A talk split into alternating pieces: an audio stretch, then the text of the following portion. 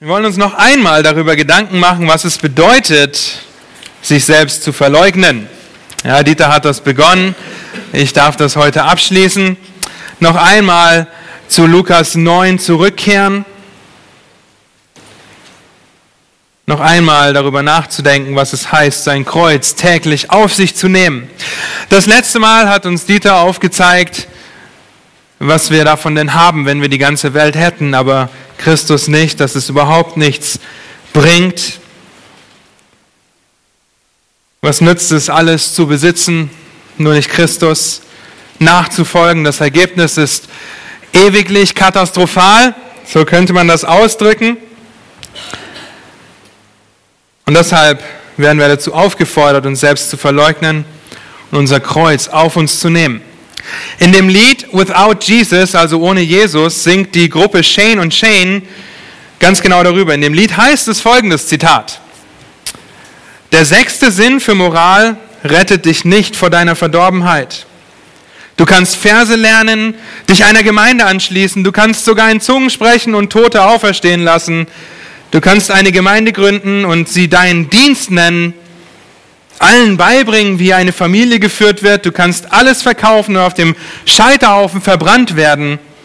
Aber was in dieser Welt nützt dir das ohne Jesus?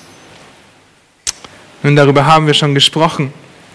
Es geht um Selbstverleugnung, diesen Kern der Lehre Jesu.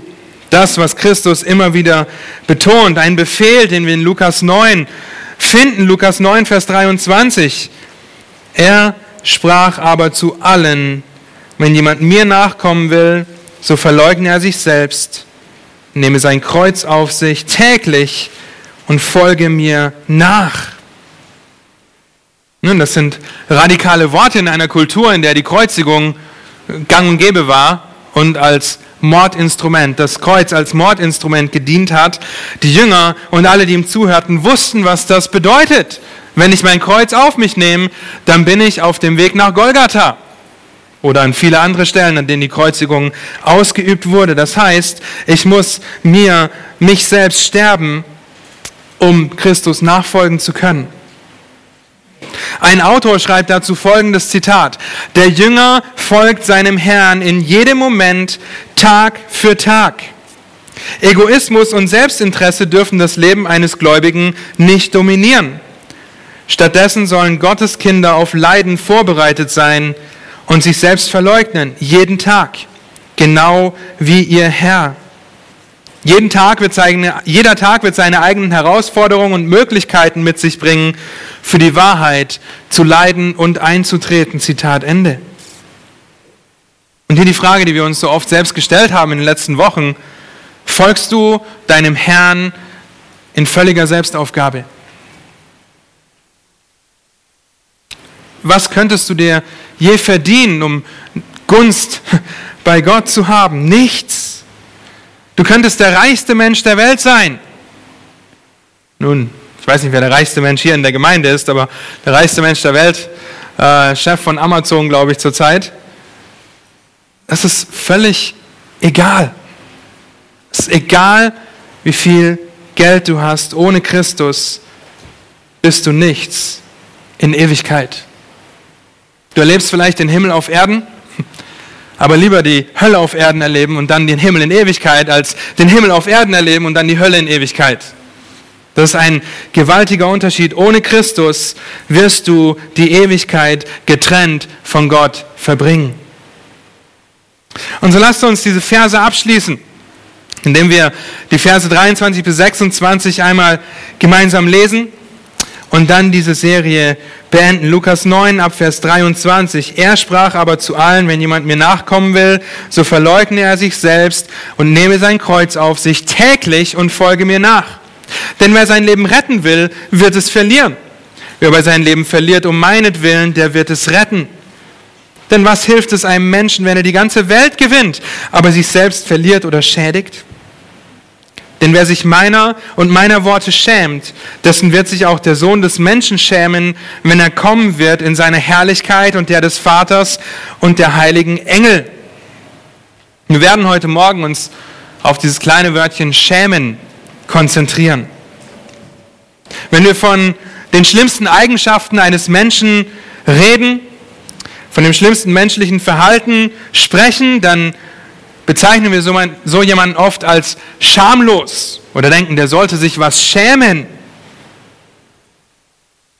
dass er sich verhält wie jemand, der keine Scham kennt keinen Anstand hat, würden wir vielleicht auch sagen.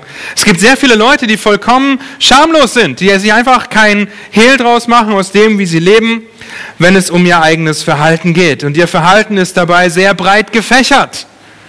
Okay, es gibt schamlose Menschen, die Mörder sind, die Diebe sind, die Kriege auslösen, die sehr böse sind, die lasterhaft und unmoralisch sind. Sie führen ein extremes Leben in aller Öffentlichkeit es gibt auch die Menschen, die sich selbst für gerecht halten und denken, ich bin doch ganz gut. Aber das ist eine andere Gruppe.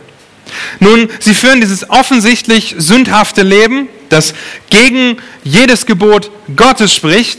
Okay, wir sind hier nicht die Moralpolizei, dass wir sagen, wie wir uns verhalten sollen. Nein, Gott ist derjenige, der uns sein Wort gegeben hat, der uns erschaffen hat in einer Abhängigkeit, damit wir ihm dienen und ihm die Ehre geben. Ganz einfach, so hat er uns geschaffen.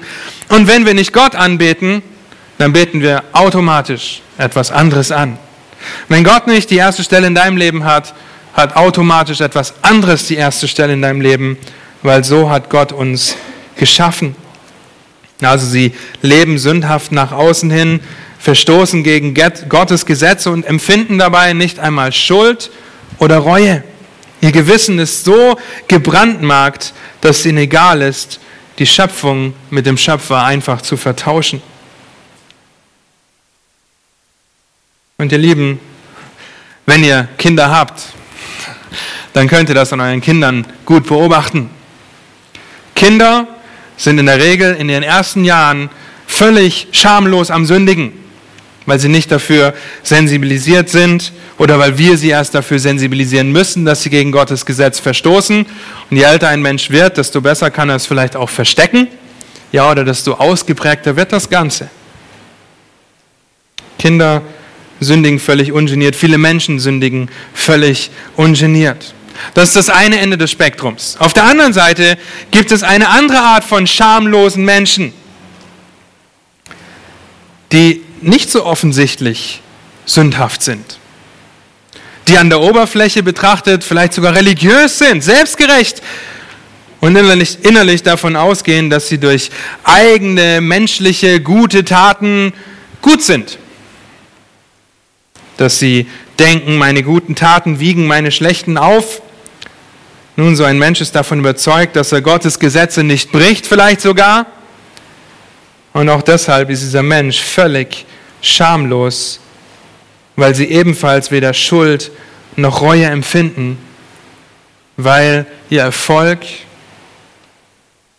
sie über ihren wahren Zustand hinwegtäuscht. Sie denken, sie sind gut, aber das täuscht.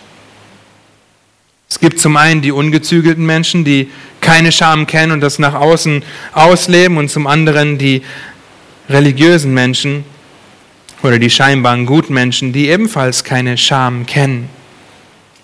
Es gibt Menschen, die unverblümt sündigen, die keine Schuld empfinden, weil sie sich beigebracht haben, diese Schuld zu verleugnen. Und es gibt religiöse Menschen, die versteckt sündigen und keine Schuld empfinden, weil sie sich beigebracht haben, sich auf ihre eigene Selbstgerechtigkeit zu verlassen. Und ein gutes Beispiel dafür finden wir im Volk Israel. Denn dieses Volk war jederzeit und überall voll von diesen schamlosen Menschen. Es gab diese Ruchlosen und es gab Prostituierte, es gab Mörder, es gab Diebe, es gab Kleinkriminelle. Es gab den Abschaum der Menschheit auf der einen Seite, das Gesindel, die Zöllner, Menschen, die nach außen ein absolut schamloses Leben führten. Aber schlimmer und in vielerlei Hinsicht schwerer zu erreichen war die religiöse Elite. Die Schriftgelehrten, die Pharisäer, die obersten Priester und diejenigen, die das religiöse Lager formten, die ebenfalls schamlos waren, weil sie glaubten, sie seien unschuldig vor Gott, weil sie ihre eigene Schuldhaftigkeit durch ihre eigene Selbstgerechtigkeit ausgelöscht hatten. Nun, in beiden Fällen sind die Menschen stolz auf die Dinge, derer sie sich schämen sollten. Leute, die sich öffentlich oder die öffentlich sündigen, sollten sich ihrer Sündhaftigkeit schämen. Und Heuchler, die versteckt sündigen, sollten sich gleichermaßen ihrer Sündhaftigkeit schämen. In Philippa 3 zum Beispiel beschreibt Paulus Menschen, die stolz auf etwas sind, was sie erreicht haben, wofür sie sich eigentlich schämen sollten. Sei es ungezügelte Sittenlosigkeit oder gezügelte Heuchelei. Und ihr lieben Sünder sind sehr gut darin, sich selbst etwas vorzumachen. Ob gerettet oder nicht, auch wir sind noch sehr gut darin, uns selbst etwas vorzumachen. Aber unerrettete Menschen, die nicht an das Evangelium glauben, sind sehr gut darin, sich gut zu fühlen. Weil wir in einer Gesellschaft leben, die viel dafür tut, den Menschen davon überzeugen, dass es ihm gut gehen sollte, dass er sich gut fühlen sollte bei dem, was er tut und bei dem, was sie sind, da der Mensch schließlich autonom, also unabhängig ist und das Recht haben, frei über alles zu entscheiden. Der Mensch ist sein eigenes Gesetz. Sünder werden sich selbst beibringen, keine Scham zu empfinden. Sie werden ihr Gewissen mehr und mehr abstumpfen.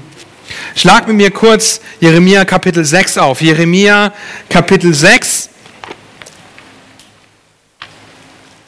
Da heißt es, dort finden wir ein sehr gutes Beispiel für das Volk Israel, das deutlich für sein Fehlverhalten gewarnt wird.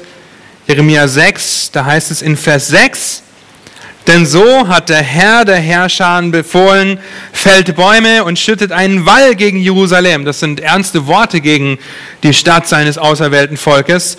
Denn das ist die Stadt, die heimgesucht werden soll, denn lauter Gewalttat ist in ihrer Mitte. Nun, hier finden wir die offensichtliche Schamlosigkeit.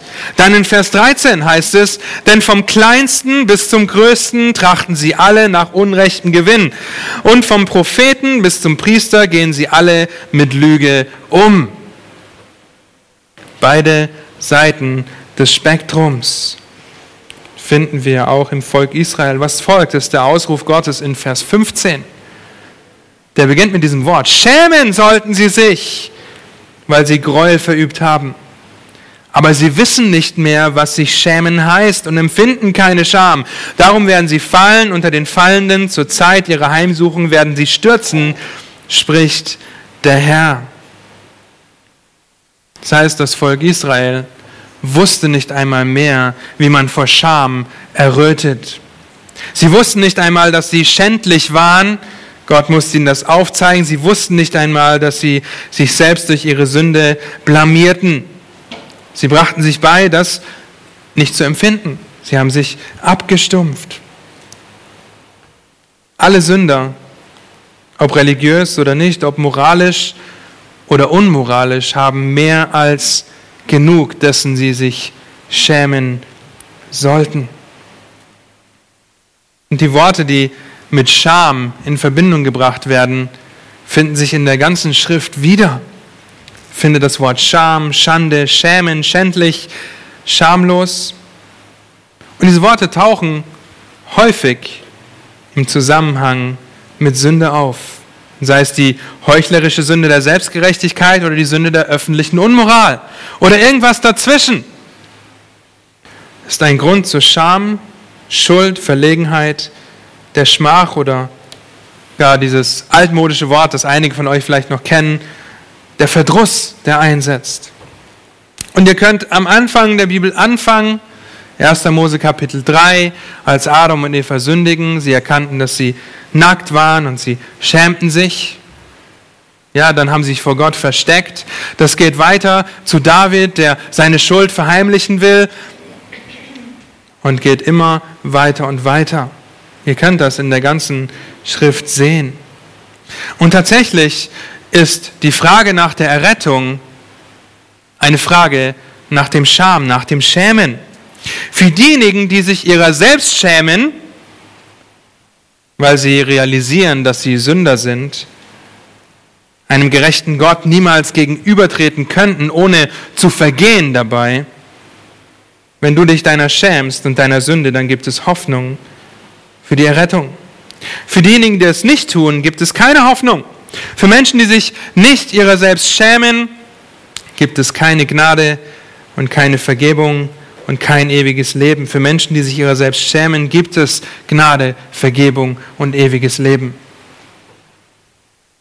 Jesus macht diese Entscheidung sogar sehr deutlich, wenn er das in Lukas 9, Vers 26 sagt. Denn wenn der Sohn des Menschen in seine Herrlichkeit wiederkehrt, wird er sich mit Sündern befassen müssen. Es führt gar keinen Weg daran vorbei. Und die einzige Einstellung, die ein heiliger Gott haben kann, wenn es um unvergebene Sünde geht, ist sich des Sünders dauerhaft zu schämen.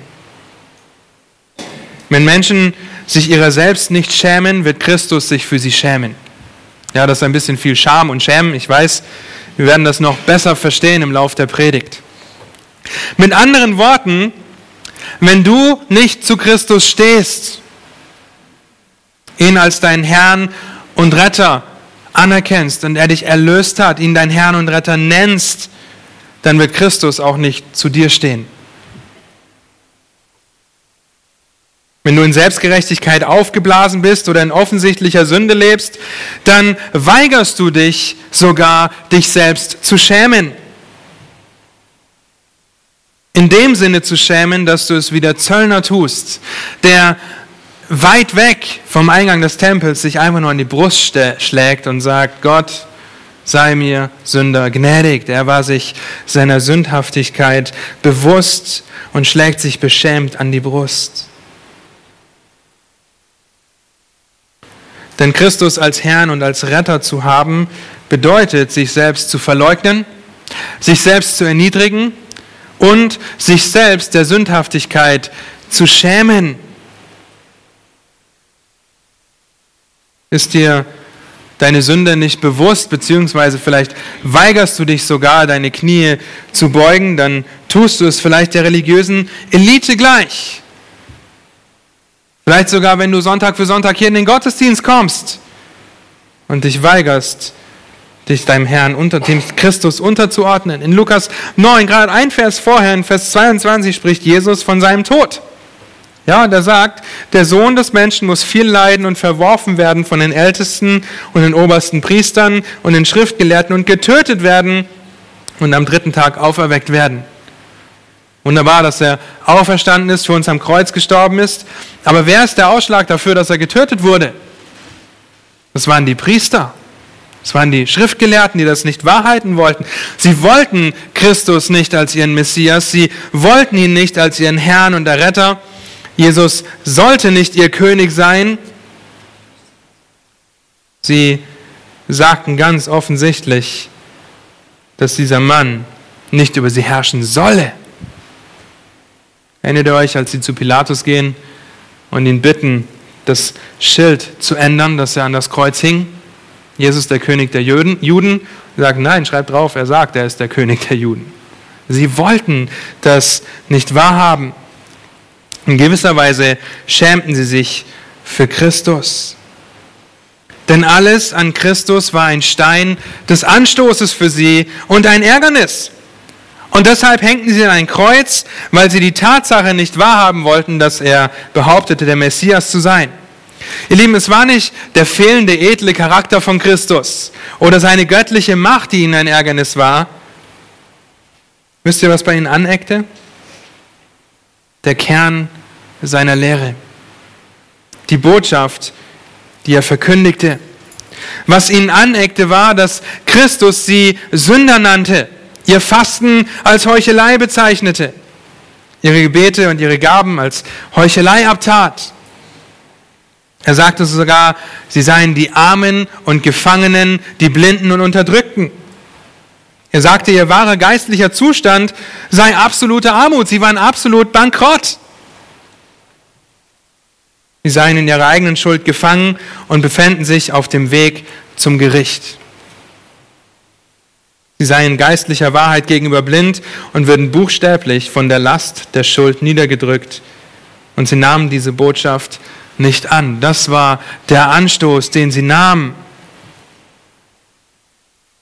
Und diese Worte, die sprach Jesus in seiner Heimatstadt, in der er 30 Jahre seines Lebens verbrachte, wo ihn jeder kannte.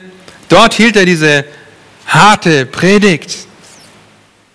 Und dann waren es seine Nachbarn, seine Freunde, seine erweiterte Familie, die ihn nach nur einer Predigt an den Rand des Berges brachte und ihn umbringen wollte. So sehr hassten sie seine Botschaft. Denn es läuft darauf hinaus, dass diese Botschaft von ihnen verlangte, sich ihrer selbst zu schämen und sich selbst zu verleugnen. Und sie hatten sie so von ihrer eigenen Gerechtigkeit überzeugt, dass diese Botschaft, dieser Kern der Lehre Christi, sie so sehr erzürnte, dass sie versuchten, ihn hinzurichten. Und das war nur eine Predigt. Gut, dass wir in Berlin keine Klippen haben. Und das ist, in dem letztendlich der Knackpunkt bei der Frage, wer in den Himmel kommt. Es geht darum, ob ihr euch eurer selbst schämt oder ob euch Jesus und seinem Evangelium schämt.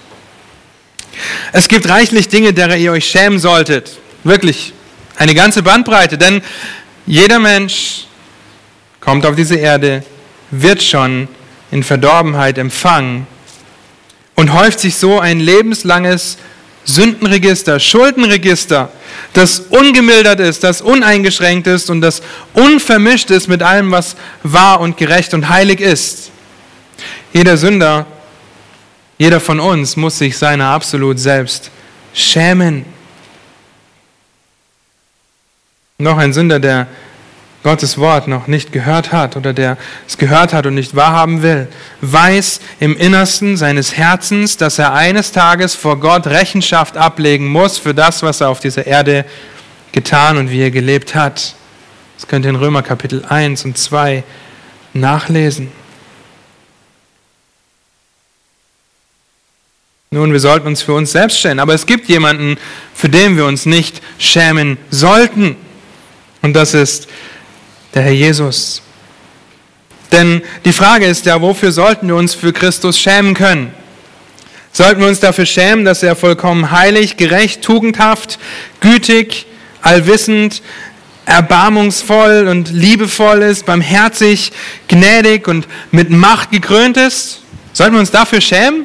Wie ist das möglich, sich dafür zu schämen? Und wenn du dich deiner Sündhaftigkeit schämst, deine Knie vor Christus beugst, ihn als dein Herrn und Retter anerkennst und er dich erlöst, und wenn du schon erlöst bist, wisst ihr, was aus dieser Scham wird? Ein Rühmen in Christus. Ein Rühmen in Christus. Und wenn ich sagen kann, ich schäme mich meiner Sündhaftigkeit, aber ich rühme mich in Christus, dann ist das ein Anzeichen oder ein Beweis dafür, dass wir verstanden haben, dass wir niemals auch nur ansatzweise in der Lage sind, gerecht vor Gott dazustehen, es sei denn in Christus, dass wir beginnen zu sagen, wir schämen uns des Evangeliums nicht, wie ein Paulus das getan hat. Damit wird unser Zustand deutlich. Deshalb sagt Paulus zum Beispiel, ich werde mich nur Christus Jesus meines Herrn rühmen. Christen sind Menschen, die sich nicht für Christus schämen, sondern sich ihrer selbst schämen, in ihrer Scham vor ihnen kommen, um Vergebung zu erfahren, um sich dann in Christus zu rühmen und sich selbst völlig zu verleugnen. Frage ist, sollte ich mich für denjenigen schämen, der am Kreuz starb, um mich von meiner Sünde zu erlösen? Sollte ich mich für denjenigen schämen, der mich vor Grundlegung der Welt mit vollkommener Liebe geliebt und auserwählt hat? Sollte ich mich für denjenigen schämen, der sich dafür entschieden hat, mein Freund und mein Erlöser zu sein? Sollte ich mich für denjenigen schämen, der in den Himmel gezogen ist, um einen Platz für mich im Haus des Vaters vorzubereiten und mich dann in Empfang zu nehmen und mir zu gestatten, für immer und ewig in seiner heiligen Gegenwart zu wohnen? Die Frage ist, wofür sollten wir uns schämen, wenn es um Jesus Christus geht? In Hebräer Kapitel 2 gibt es eine sehr kurze Aussage, die sehr wichtig ist, in Vers 11. Dort spricht der Autor die Gläubigen an und sagt ihnen in Vers 11, aus diesem Grund schämt er sich auch nicht, sie Brüder zu nennen. Er schämt sich nicht, uns Brüder zu nennen. In Vers 10 heißt es, dass er der Urheber des Heils ist und wird viele Söhne zur Herrlichkeit führen. Durch sein Leiden vollendete er unser Heil am Kreuz und schämt sich nicht, uns Brüder zu nennen. Und manchmal sprecht ihr vielleicht mit Christen oder mit Geschwistern, mit Leuten, die sagen, nun, ja, ich weiß, Christus ist mein Bruder, aber ich will irgendwie nicht so richtig, dass jeder das weiß. Weil irgendwie, ja, es eckt ja überall an, diese Botschaft. Ich schäme mich dafür. Oder meine Menschenfurcht ist so groß, dass ich mich eher vor den Menschen als vor Gott schäme. Ihr Lieben, ich möchte euch euer Heil nicht absprechen. Ja, wir wissen, dass Gott uns erlöst hat und wir versiegelt sind mit dem Heiligen Geist. Wir wissen auch, dass wir weiterhin sündigen und dass wir weiterhin fallen, aufstehen müssen, Buße tun müssen, weiter vorangehen müssen. Ja? Ich sage, wir müssen uns prüfen, wir müssen sehen. Und wenn du ein Kind Gottes bist, wenn du damit kämpfst, dich eher vor Menschen als vor Gott zu schämen, zum Beispiel am Arbeitsplatz, zum Beispiel in der Schule, ja, wenn deine Schulkameraden in der Pause irgendwas anstellen wollen und du eigentlich weißt, dass es falsch ist, aber um cool zu sein dazuzugehören, mache ich halt mit. Ja, oder jeder macht es so. Und wenn ich es nicht mache, dann bin ich ja voll das, der Anstoß. Ihr Lieben, daran müssen wir arbeiten, ein gutes Zeugnis für unseren Herrn zu sein, uns nicht Jesus und seiner Botschaft zu schämen. Ja? Aber hier in Lukas 9 geht es wirklich um den Sünder, der nicht erlöst ist. Und wenn du ein erlöstes Kind Gottes bist, gegen Sünde kämpfst, dann darfst du wissen sein, wissen, dass Gott treu ist, weil er sich selbst nicht verleugnen kann. Ja, das als Ermutigung für dich, wenn du ein Kind Gottes bist, wenn du kämpfst, mit Gegensünde ankämpfst und weißt, ich kann das nur durch den Heiligen Geist und ich fall so oft am Tag, muss so oft um Vergebung bitten. Ja, als Kind Gottes weißt du, dass du versiegelt bist mit dem Heiligen Geist und nichts dich aus der Hand reißen kann und Christus sich nicht dafür schämt, dich sein Bruder oder seine Schwester zu nennen.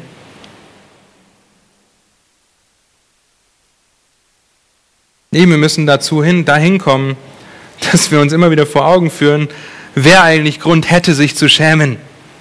Und das wäre unser Herr selbst. Okay, unser Herr selbst hätte Grund, sich für uns zu schämen, weil er vollkommen sündlos ist und ich das nicht bin. Er hätte so viel Grund, sich meiner zu schämen. Es ist ein erstaunlicher Akt der Gnade Gottes, dass der Herr sagt, ich schäme mich nicht, dich mein Bruder zu nennen. Und ich schäme mich nicht, ihn als mein Eigentum oder als mein Kind anzuerkennen. Und das sollte uns ermutigen, wirklich auch zu sagen, dass wir uns nicht schämen, ihn als unseren Gott und als unseren Retter anzuerkennen und auch zu verkündigen.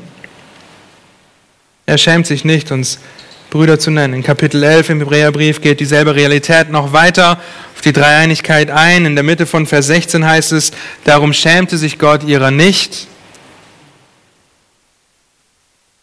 Warum um alles in der Welt sollte uns Christus jemals als Brüder bezeichnen wollen? Warum würde sich Gott jemals von den himmlischen Scharen erheben und sagen wollen, ich schäme mich ihrer nicht, sie gehören zu mir? Aus welchem Grund? Frage ich euch. Weil ihr so toll seid? Weil ihr letzte Woche nur 87 Mal gesündigt habt? Und die Woche davor vielleicht 100 Mal? Oh, ich werde ja besser?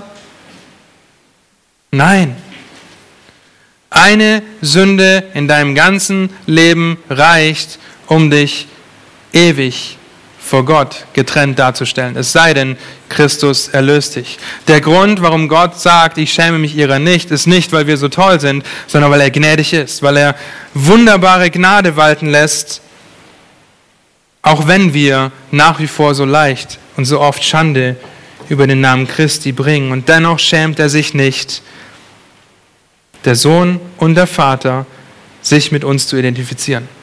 Ist das nicht ermutigend? Ist das nicht Wahnsinn? Und dann ein Kapitel weiter heißt es, in Kapitel 12, in Vers 2. Um der vor ihm liegenden Freude willen ja, ging er an das Kreuz, er duldete das Kreuz und achtete die Schande für was? Für nichts. Er achtete die Schande für nichts vor der vor ihm liegenden Freude willen. Die Welt überhäufte ihn mit Schande, mit Scham, mit Blöße. Denkt nur an den Gerichtsprozess, als er ausgepeitscht wird oder dann nackt am Kreuz hängt, als er die Dornenkrone aufgezogen bekommt und die Leute ihn verhöhnen, verspotten. Er wird mit Schande, mit Scham überhäuft, wird entblößt. Und in gewisser Weise tut die Welt das noch immer, wenn sie seine Herrschaft nicht anerkennt. Jeder Sünder, der das Evangelium ablehnt, ablehnt, beschämt Jesus, blamiert ihn. Aber er achtete die Schande der Welt für nichts, um das Kreuz zu erdulden. Und so der Anfänger und Vollender des Glaubens zu sein.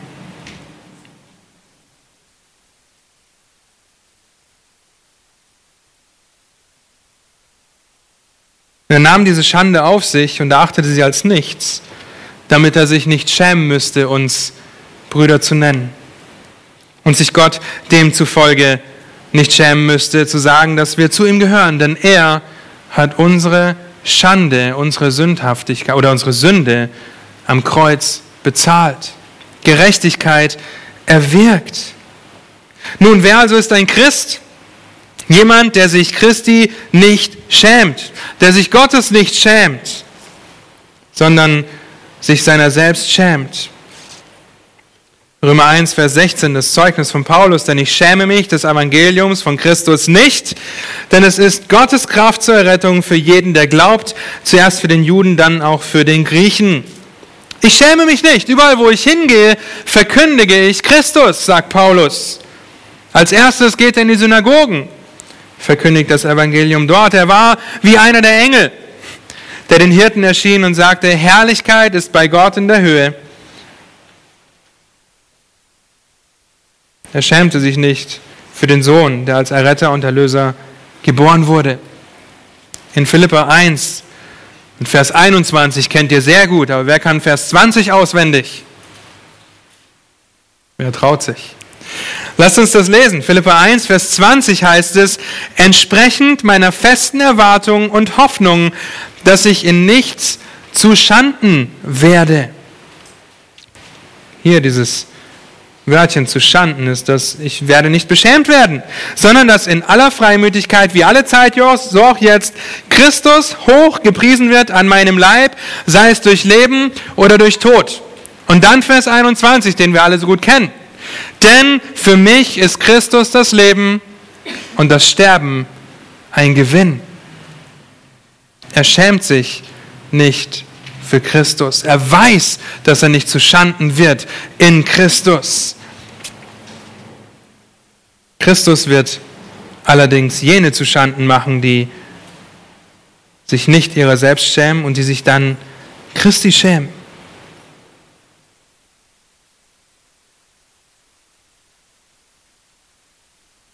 Und so lebte Paulus. So lebte er sein Leben. In 2 Timotheus 1, Vers 12 sagt er, spricht er von seinem Leiden. Dann sagt er auch, aber ich schäme mich nicht denn ich weiß, an wen ich glaube. Und ich bin überzeugt, dass er mächtig genug ist, mir das anvertraute Gut zu bewahren bis zu jenem Tag. Selbst im Leid werde ich mich nicht für Christus schämen, weil ich weiß, an wen ich glaube. Für wen schämst du dich? Weißt du, an wen du glaubst? Glaubst du an sich selbst? Glaubst du an irgendein System? Glaubst du an Geld?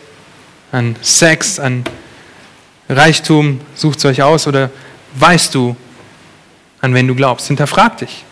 An wen weiß ich, an wen ich glaube? Und das herauszufinden, wenn du an Christus glaubst, findet ihr hier drin, okay, in Gottes Wort. Paulus wird ihn verherrlichen, wird Christus verherrlichen, selbst in seinem Tod, ihn ehren und verkündigen und erinnert Timotheus daran, sich niemals seines Herrn zu schämen. Petrus sagt in 1. Petrus 4, Vers 16, wenn aber, wenn er aber als Christ leidet, auch hier geht es um das Leiden und vorher heißt es, wenn du leidest, weil du einen, jemanden ermordet hast, dann leidest du zu Recht. Ja, ähm, aber es kann sein, dass du als Christ leidest, weil du verfolgt wirst. Wenn er aber als Christ leidet, so soll er sich nicht schämen, sondern er soll Gott verherrlichen in dieser Sache. Also wenn du für Christus Verfolgung erleiden darfst, und viele Christen erleiden heute Verfolgung, dann sollen sie sich nicht schämen, sondern Gott verherrlichen.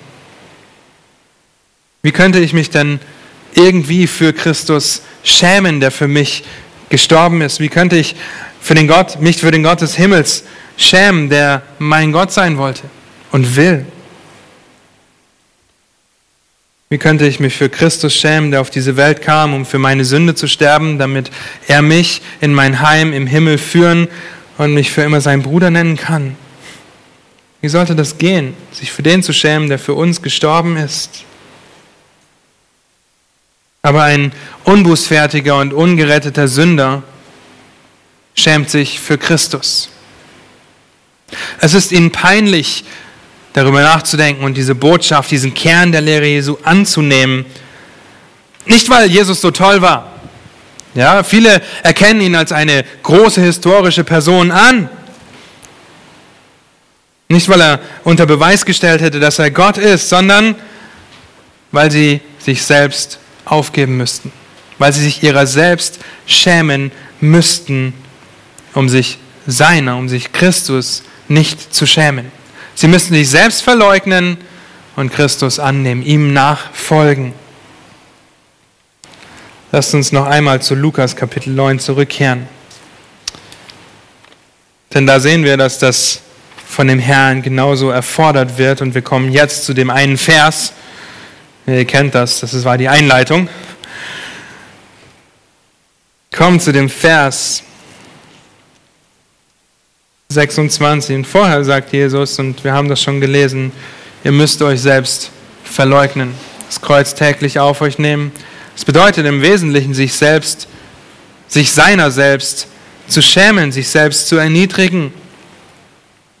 Wir haben in den letzten Predigen bereits ein bisschen über diesen, in Anführungsstrichen, Selbsthass gesprochen. Okay, heute wird das Selbstwertgefühl so gepusht und so betont.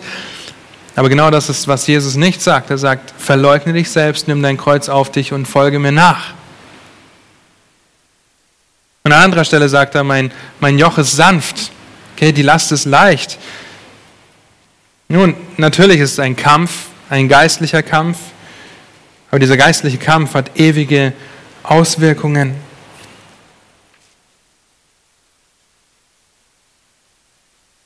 Das ist der Kern dieser Buße, diese Selbstverleugnung, das Kreuz zu tragen, täglich aufzunehmen, bereit zu sein, Christus zu folgen, beschämt über die eigene Sünde, freudig, dass der Heiland gekommen ist und diese Sünde durch seinen Tod am Kreuz vergibt und dann aus dieser Freude eine tiefe Dankbarkeit heraus zu entwickeln, die Bereitschaft zu haben, ihm nachzufolgen, auch wenn das den Tod bedeutet.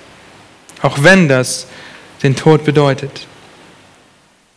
Sündern, denen vergeben wird, sind Menschen, die sich ihrer selbst schämen, die Christus anrufen, damit er sie vor ihrer Schandhaftigkeit, vor ihrer Schuldhaftigkeit errette.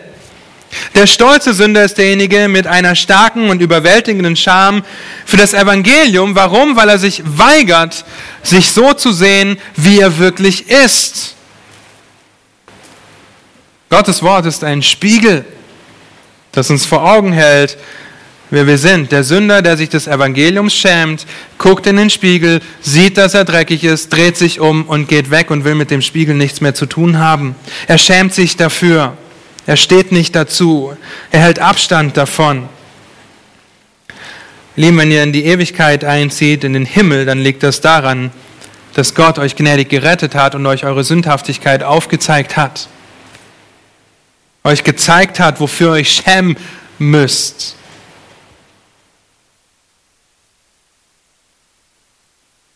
Und auch das wird hier in Lukas 9 deutlich. Zuerst seht ihr den Sünder, der sich des Menschensohnes schämt. Und dann seht ihr den Menschensohn, der sich des Sünders schämt.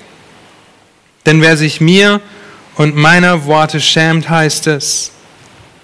In Johannes 1 könnt ihr über die Offenbarung Jesu, das fleischgewordene Wort, nachlesen, dass er deutlich Gottes Sohn war. Er war ohne jeden, es war ohne jeden Zweifel erhaben, dass er Gott selbst war. Seine Botschaft war deutlich und ist wahr. Und seine Botschaft war gegen die Sünde gerichtet Christus verdiente Ehre, er verdiente Herrlichkeit, Anbetung. Es gibt nichts an ihm, dessen wir uns schämen sollten und müssten. In der Offenbarung erhaschen wir sogar einen Blick in den Himmel und all die himmlischen Herrscher, Engel und verherrlichten Heilige sagen, würdig ist das Lamm, das geschlachtet worden ist, zu empfangen Kraft und Reichtum und Weisheit und Stärke und Ehre und Ruhm und Lob. Nimm als Kind Gottes wird dir die ganze Ewigkeit im Himmel zur Verfügung stehen, Christus in all seiner Herrlichkeit, in absoluter Perfektion zu preisen, anzubeten. Es gibt nichts an ihm, dessen wir uns schämen müssten. Warum schämen sich Sünder für Christus? Weil sie sich selbst und ihre Sünde lieben. Weil sie sich selbst und ihre Sünde lieben. Sie wollen kein heiliges, Gott wohlgefälliges Leben führen. Wenn sie unmoralisch sind, weil sie dadurch ihre unmoralischen Freunde und Freuden aufgeben müssten. Ist ein Preis der Nachfolge. Andererseits wollen die Selbstgerechten ihre Sünden nicht zugeben. Sie wollen sie selbst nicht, sich selbst nicht als Sünder bezeichnen. Ach, so schlecht bin ich doch gar nicht. Weil es ein Anstoß für sie ist, was Gottes Wort sagt. Die Bewahrung des Selbst, die Bewahrung einer beliebigen Sünde, die die Zuflucht ist, der innigste Wunsch von der auserwählten Gruppe von Sündern angenommen zu werden, anerkannt zu werden, nicht bei ihnen anzustoßen, hat den Sünder fest im Griff und lässt den Sünder sich Christi schämen, sich des Evangeliums schämen, das ihn als sündhaft und zum ewigen Gericht verdammt bloßstellt. Gottes Wort ist sein Spiegel. Einmal, wenn du damit kämpfst als ein Kind Gottes, darfst du wissen, dass Gott treu ist und dennoch darfst du dich prüfen, dein Kreuz auf dich nehmen und anecken. Das Kreuz ist eine Torheit. Für uns aber ist es Gottes Kraft. Das hat Pascal vor wie vielen Jahren gepredigt? Ich weiß es nicht. Ja, 1. Korinther vor 68 Predigten oder so. Ich, keine Ahnung. Ja. Lieben, Gottes Wort, der Kern der Lehre Jesu, stellt den Sünder bloß. Stellt ihn an den Pranger, weil Gott aufzeigt, alle haben gesündigt und erreichen nicht die Herrlichkeit, die sie vor Gott haben sollten. Der Lohn der Sünde ist der Tod. Die Gnadengabe Gottes aber das ewige Leben in Christus Jesus, unserem Herrn. Nun, diese Menschen, die hier in Vers 26 in Lukas 9 beschrieben worden, sind diejenigen, die sich meiner und meiner Worte schämen, sagt Jesus. Und diese elementare Aussage unseres Herrn macht so deutlich, dass man Christus nicht und niemals vom Evangelium trennen kann. Ja, Jesus war ein toller Mensch, war ein großartiger Mensch, aber das, was er gesagt hat, absoluter Blödsinn. Das widerspricht sich. Du kannst einen Lehrer nicht von seiner Lehre trennen. Es funktioniert nicht. Du kannst Christus nicht vom Evangelium trennen. Das gehört zusammen. Wer sich mir und meiner Worte schämt. Und hier wieder die Frage, für wen schämst du dich? Und nichts könnte annähernd so gravierend sein diese Frage so zu beantworten. Ich, eigentlich schäme ich mich für das Evangelium. Ich will damit wenig zu tun haben. Es ist mir zu anstrengend, das Kreuz auf mich zu nehmen. Ihr Lieben, das ist für alle Ewigkeit verhängnisvoll. Das sehen wir im zweiten Teil dieses Verses. Zuerst seht ihr den Sünder, der sich des Menschensohnes schämt, und dann seht ihr den Menschensohn, der sich des Sünders schämt. Denn wer sich mir und meiner Worte schämt, dessen wird sich auch der Sohn des Menschen schämen, wenn er kommen wird in seiner Herrlichkeit und der des Vaters und der heiligen Engel. Hier geht es um die Wiederkunft Christi. Wenn Jesus in leuchtender Herrlichkeit kommt, und das ist noch nicht geschehen, der Herrlichkeit des Vaters, seiner eigenen Herrlichkeit und die damit einhergehende Herrlichkeit der ihn begleitenden Engel. Das wird uns in den prophetischen Stellen beschrieben. Ja, wenn Jesus zurückkehrt, um auf dem Richterstuhl zu sitzen und nicht am Kreuz zu hängen, dann wird es nichts als Schande und Scham für jene geben, die sich seiner Botschaft und ihm selbst geschämt haben, sich nicht, ihre Knie nicht gebeugt haben, ihm nicht täglich in der Selbstverleugnung nachgefolgt sind. Die Worte Jesu sind hier in Vers 26 angeknüpft an eine Stelle aus Daniel Kapitel 7. Und daran dachten viele Juden, als sie das hörten. Geht mal zu Daniel Kapitel 7. Wir werden dort auch eine Zeit lang verbringen. Daniel Kapitel 7, das ist der Text, an den Jesus wohl dachte. Wir wollen diese Verse einmal kurz betrachten. Zunächst Vers 9 und Vers 10 in Daniel Kapitel 7. In Daniels Vision schaute er, ich schaute, bis Throne aufgestellt wurden und ein Hochbetagter sich setzte. Er sieht also Gott auf seinem Thron. Dann geht es weiter. Sein Gewand war schneeweiß, das symbolisiert Gottes Reinheit. Und das Haar seines Hauptes wie reine Wolle, das symbolisiert seine Weisheit. Sein Thron waren Feuerflammen und dessen Räder ein brennendes Feuer. Ein Feuerstrom ergoss sich und ging von ihm aus. Das steht symbolisch für den Zorn des Gerichtes Gottes. Das ist die Kriegsmaschinerie, wenn ihr so wollt, die von Gottes Thron ausgeht. Das ist die göttliche Zerstörung, denn absolute Reinheit und Heiligkeit werden durch einen Sünder, der nicht Buße tut, beleidigt, beschämt bloßgestellt. Und deshalb muss absolute Wahrheit und Gerechtigkeit angemessen mit Gericht reagieren, mit dem Zorn Gottes reagieren. Könnt ihr auch Ezekiel 1 oder Offenbarung 4 lesen. Die Herrlichkeit Gottes des Hochbetagten in seiner weisen, reinen, leuchtenden Herrlichkeit wird erscheinen. Und jetzt sehen wir die Herrlichkeit der Engel, die bei ihm Gericht dabei sind. Vers 10. Vers 10 endet mit den Worten, das Gericht setzte sich.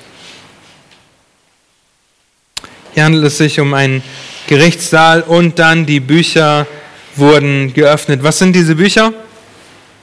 Hört gut zu. Die Bücher sind die Aufzeichnungen über das Leben eines jeden Menschen und alles, was dieser Mensch jemals gedacht, gesagt und getan hat. Alles. Ziemlich erschreckend. Alles ist in diesen Büchern, verzeichnet. Offenbarung 20 beschreibt dieselbe Szene mit anderen Worten. Diese Bücher werden geöffnet und jeder wird gerichtet werden, entsprechend seinem Eintrag in den Büchern. Das ist die Szene, an die unser Herr denkt, wenn er in Lukas 9 spricht. Es wird eine Zeit kommen, wenn Christus zurückkehrt, seinen Platz als Richter einnehmen wird.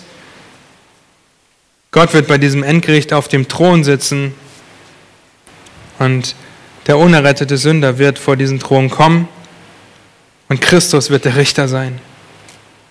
In Johannes 5 heißt es, denn der Vater hat alles Gericht dem Sohn übergeben.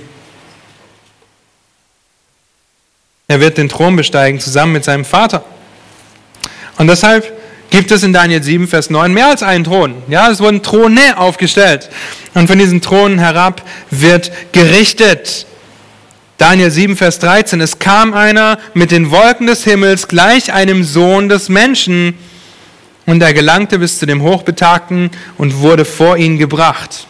Hier kommt der Sohn des Menschen, hier kommt Christus vor den Thron, auf dem der Hochbetagte sitzt. Und wir lesen weiter in Vers 14.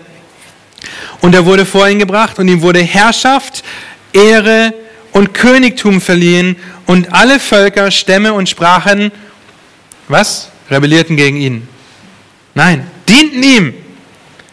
Seine Herrschaft ist eine ewige Herrschaft, die nicht vergeht und sein Königtum wird nie zugrunde gehen. Hier gibt Gott der Vater das Reich seinem Sohn. Als dieser kommt, um zu richten, ihm wird ewige Herrschaft, Königtum, Herrlichkeit und das Reich verliehen in alle Ewigkeit. Und das ist ein Bild des Gerichts. Der Sohn kommt, um zu richten und von Gott, dem Vater, seinem Reich in Empfang zu nehmen. Das Gericht wird dann in Daniel 12 noch näher beschrieben und am Ende von 12, Vers 1 wird aber ein weiteres Buch erwähnt. Und dieses weitere Buch, da stehen die Namen derer drin, die gerettet wurden vor diesem Gericht, erlöst, dem Gericht entgangen. Da heißt es, viele von denen, die im Staub der Erde schlafen, erwachen werden, dass sie das tun werden. Die einen zum ewigen Leben, die anderen zur ewigen Schmach und Schande. Es wird ein Tag kommen, an dem der Sohn Gottes, Jesus Christus, auf dem Thron sitzt, um zu richten. Und all jene, die in diesem zweiten Buch verzeichnet sind, das wir auch als das Buch des Lebens kennen oder das Buch des Lammes, wisst ihr, was mit denen ist? Die werden von jenem Gericht errettet werden. Wisst ihr warum? weil Christus für uns gerichtet wurde. Er ist für uns zur Sünde geworden, damit was? Damit wir zur Gerechtigkeit würden in ihm. Jeder, der im Buch des Lammes steht, wird vor dem Gericht errettet, weil Christus für sie stellvertretend gerichtet wurde. Dadurch, dass Christus vollkommen war und Gott war und ist, hat er dieses Gericht bestanden. Natürlich. Und nur dadurch haben wir die Möglichkeit, vor Gott zu treten und nicht in dem Gericht stehen zu müssen. Wir werden auch vor einem Gericht stehen, das wisst ihr, aber das wird ein Preisgericht sein und kein Gericht zur Verdammung. Nun, der neue Leib wird aus dem Staub auferstehen. Ja, Tote werden auferstehen, auch das lesen wir und sich mit ihren Seelen, die bereits bei Gott sind, vereinen, die Gläubigen. Und auf der anderen Seite diejenigen, die in dem ersten Buch geschrieben stehen, die verlorenen Sünder, auch sie werden auferstehen, einen neuen Leib bekommen. Aber sie werden Leiber bekommen, die gemacht sind für ewige Qualen, die gemacht sind für die Hölle.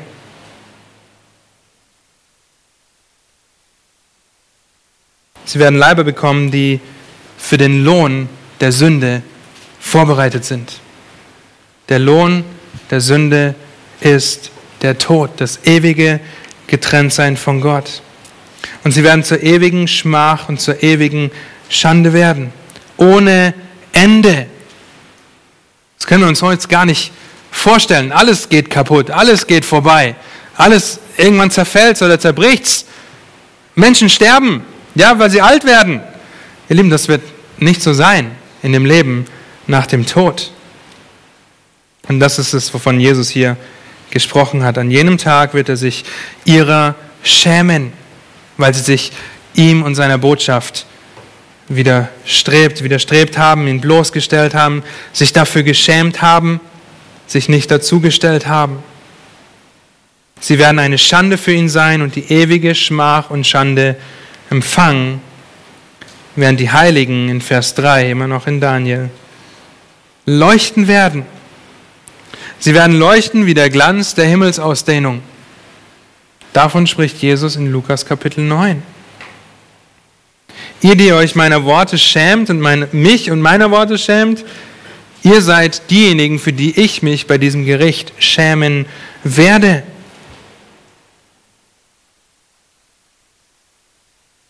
Wenn diese Bücher geöffnet werden. Und wenn du kein Kind Gottes bist, wenn du das jetzt weißt, okay, ich stehe wahrscheinlich im, im ersten Buch, ja, dann sei dir dessen gewiss, dass in diesem Buch stehen wird, jeder Gedanke, den du je gedacht hast, jede Tat, die du je getan hast oder nicht getan hast, und jedes Wort, das du je gesprochen hast, jedes unreine Motiv, das nicht die Heiligkeit Gottes in den Vordergrund stellt, alles wird dort verzeichnet sein. Dein gesamtes Leben, von deinem ersten bis zu deinem letzten Atemzug. Und jeder Gedanke. Nun, das ist allein schon Grund für ewige Schmach und Schande. Und viele werden protestieren. Lukas Kapitel 13 zum Beispiel. Aber wir waren doch in den Gassen mit dir. Wir haben mit dir gegessen und du warst da. Du weißt, dass wir dich gehört haben und wir waren nett zu dir. Hm. Und da wird einfach nur erwidern, weicht von mir, Übeltäter. Ich kenne euch nicht. Wir andere werden sagen, wir sind sogar noch weitergegangen, Herr. Herr, wir haben sogar in deinem Namen gepredigt und Wunder vollbracht und haben geweissagt. Und er wird sagen, ich habe euch nie gekannt. Weicht von mir, ihr Gesetzlosen. Es wird Proteste geben von Leuten, die sagen, aber wir waren doch gute Menschen, wir haben doch keiner Fliege was zu Leide getan. Nun, die Aufzeichnung in diesen Büchern ist korrekt. Und die Betroffenen werden sofort Schmach, Schande und Scham empfangen. Und die Reaktion wird in Ewigkeit sein, heulen und Zähne knirschen. Es ist einfach schrecklich darüber nachzudenken. Und dann darüber nachzudenken, dass wir uns so oft des Evangeliums schämen und ich hätte ja was sagen können. Ja? Wir haben Grund, uns nicht zu schämen. Ich schäme mich des Evangeliums Christi nicht. Also lasst uns den Mund aufmachen und vor diesem schrecklichen Ort warnen und zur Nachfolge auffordern. Für wen schämst du dich? Selbst in Gemeinden, selbst in der Bibelgemeinde Berlin wird es eine Zahl geben, die sich nicht ihrer selbst schämt. Die vielleicht sagen, ja, die Gemeinschaft war toll, das war super. Ja, ich war bei den Gebetsstunden, war ich doch dabei. Ich habe sogar Verse auswendig gelernt, habe Frauen- und Männerstunden mitgemacht. Das ist super. Aber folgst du Christus nach? Für wen schämst du dich? Bist du in Selbstaufgabe oder im Selbstwertgefühl gefangen? Folgst du Christus nach oder folgst du irgendwelchen anderen Dingen nach? Was sagt dein Kontostand zum Beispiel? Was ist der erste Gedanke morgens und der letzte Gedanke abends? Kaffee, ich weiß, abends nicht. Aber Ihr Lieben, hinterfragt euch. Ja? Hinterfragt euch tatsächlich auch mit Kaffee zum Beispiel. Ja, ich kann nicht gut drauf sein, bevor ich nicht meinen Kaffee hatte. Das ist eine Lüge. Okay? In dem Moment, sagt ihr, ohne Kaffee geht es mir nicht gut. Ja? Ihr Lieben, die Umstände, und wir haben das letztes Mal kurz beleuchtet, sind niemals schuld an meiner Reaktion, sind niemals schuld an meinem Verhalten. Ja, das, was in meinem Herzen ist, kommt raus. Und dann ist Kaffee vielleicht dein Götze. Denk mal darüber nach. Ja? Andere Dinge genauso. Ja? Prüft euch selbst. Nun, du erkennst, du schämst dich deiner Sünde, deiner Sündhaftigkeit. Was jetzt? Ja, dann kann ich dich nur auffordern, deine Knie vor dem lebendigen Gott zu beugen, der noch Zeit zur Errettung schenkt. Er hat seinen Sohn gegeben, damit alle, die an ihn glauben, nicht verloren gehen, sondern ewiges Leben haben. Und wisst ihr was? Wenn du hier sitzt und sagst, das kann ich nicht glauben. Die Bibel spricht davon in Philippa Kapitel 2, dass sich eines Tages jedes Knie vor ihm beugen wird und jede Zunge bekennen wird, dass Christus der Herr ist, zur Ehre Gottes des Vaters. Die Frage ist, warum wirst du deine Knie beugen? In Rebellion oder aus Liebe? Mit Zähneknirschen oder mit Jubelgesang? Und deshalb beuge deine Knie jetzt, solange Gott noch Zeit zur Errettung schenkt, weil wenn du vor Gott stehst und angenommen, er fragt dich, warum sollte ich in den Himmel lassen und du sagst, ja, ich war ein guter Mensch, dann du wirst deine Knie vor ihm beugen, aber du wirst in die ewige Hölle eingehen. Er ist Gott und er wird in Ewigkeit regieren. Er hat seinen Sohn gegeben, damit alle, die an ihn glauben, nicht verloren gehen, sondern ewiges Leben haben. Das Lied Without Jesus, ohne Jesus, von dem wir am Anfang schon gehört haben, endet folgendermaßen. Wenn ich mein Leben ganz aufgebe, dann bringe ich nichts als nur Dornen in Form einer Krone, die auf der Stirn des Mannes von Nazareth liegt. Wenn das, was Jesus getan und gesagt hat, alles ist, was ich je bekomme und es in mein Herz lege, dann bekomme ich alles, dann habe ich alles, weil Christus mein ist. Sei dir dessen bewusst, dass du alles, was du bringen kannst, nichts ist.